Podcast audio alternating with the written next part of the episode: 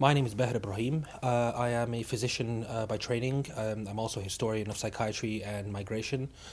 I recently finished my PhD from the University of Glasgow, and I'm still sort of formally attached to the university as the Charlotte Nicholson Postdoctoral Fellow in History. Um, but my day job is practicing medicine, so I am a uh, foundation doctor in um, Sheffield Teaching Hospitals in the UK, with a plan to specialize in psychiatry starting from next year. Uh, my presentation looks at um, the history of the practice of psychiatry uh, in refugee camps and in um, sort of situations of uh, medical humanitarian emergencies. A bit more broadly, it looks at the field that may be called sort of refugee mental health. Um, it started out more as a bit of an intellectual history, uh, but it's also um, very much a, a, history of psychiatric practice. I'm interested in how um, the theories and the ideas and concepts behind uh, psychiatry and its different therapeutic orientations have been articulated uh, according to the sociopolitical um, context and contingencies that govern and structure forced migration. Um, and for the purposes of, of this conference, uh, my presentation uh, concentrates on um, on how the issue of culture or cultural difference has been engaged with um, by psychiatrists working with refugees and migrants. Um, and one of the points I made is that transcultural psychiatry is just one way among many that psychiatrists working with refugees have engaged with the issue of cultural difference. Um, there are other modalities. Um, which are not called transcultural psychiatry, but they do not ignore culture. They just have a different conceptualization of culture, and that's what I talked about.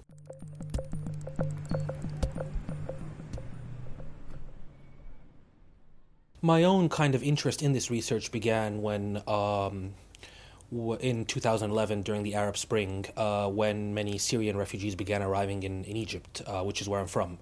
Um, and it was then that I initially began getting interested in um, in uh, psychiatric practice with refugees, and um, it was impossible to ignore uh, the fact that the the most common and the most prevalent um, sort of clinical paradigm for understanding uh, refugees' mental health was trauma. Um, and then very quickly I came across what were seen to be critiques of trauma as an idea, as um, as um, as a um, kind of a contextually inappropriate uh, idea. And from there, I sort of got it. I did some work um, in Egypt uh, when I, I, was doing my master's in the American University in Cairo, and I did some work with um, sort of some research work with Sudanese refugees in uh, in, in, a sort of a small community in Cairo, um, where I looked at um, their experience, where I particularly at a kind of therapeutic modality called narrative exposure therapy, um, but then uh, w- which aims to deal with the idea of, uh, deal with the idea uh, and the symptoms of trauma. But from there, I got more interested in,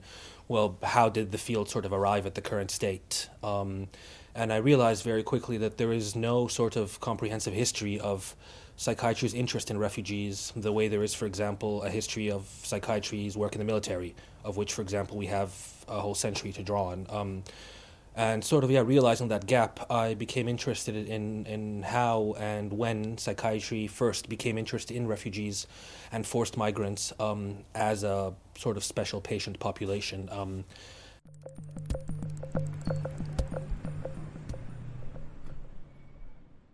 Um, I think I, I bring a new perspective to transcultural psychiatry. So my PhD was sort of an, an interdisciplinary project that was based partly at the College of Arts and partly at the College of Social Sciences. So the um, so part of my PhD was the history of medicine aspect, but the other was the sort of refugee studies or refugee history aspect. And and so it's the refugee history aspect that I think brings something new to the study of transcultural psychiatry. Um, because through refugee studies and studying refugee history, we learned that the figure of the refugee in the 20th and 21st century is constituted differently from any other migrant, not because it's an essential category uh, or an identity, but because there are certain sociopolitical contingencies that have led the refugee to be constituted differently from other migrants.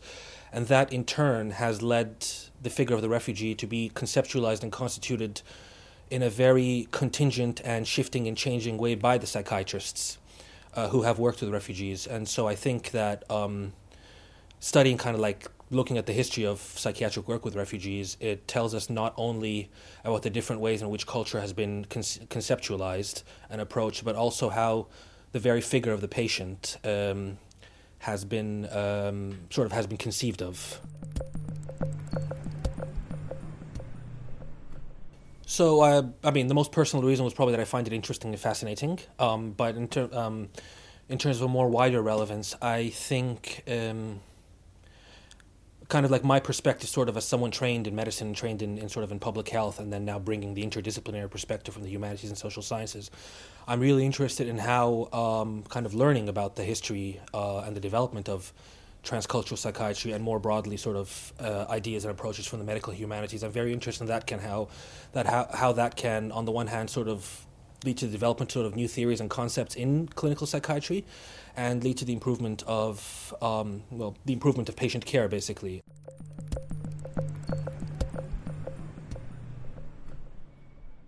I am often asked uh, at every place that I give a conference or that I attend a conference and give a presentation, um, why are you not doing research on your own country? Why are you not doing research on Egypt? Um, I think that that question reveals a lot of um, assumptions, um, but my response to that question is usually that um, Western scholars are not asked why they're not sticking to their own country. Um, uh, whereas uh, scholars from the global south are often implicitly assumed to their contribution is implicitly assumed to be that they are just bringing in uh, the information. They are translating a kind of like or globalizing local knowledge in non-Western languages into. Um, no, I have nothing against doing work on the history of psychiatry in Egypt. It just wasn't what interested me, and I did find it um, very interesting that I was very often um, asked that question.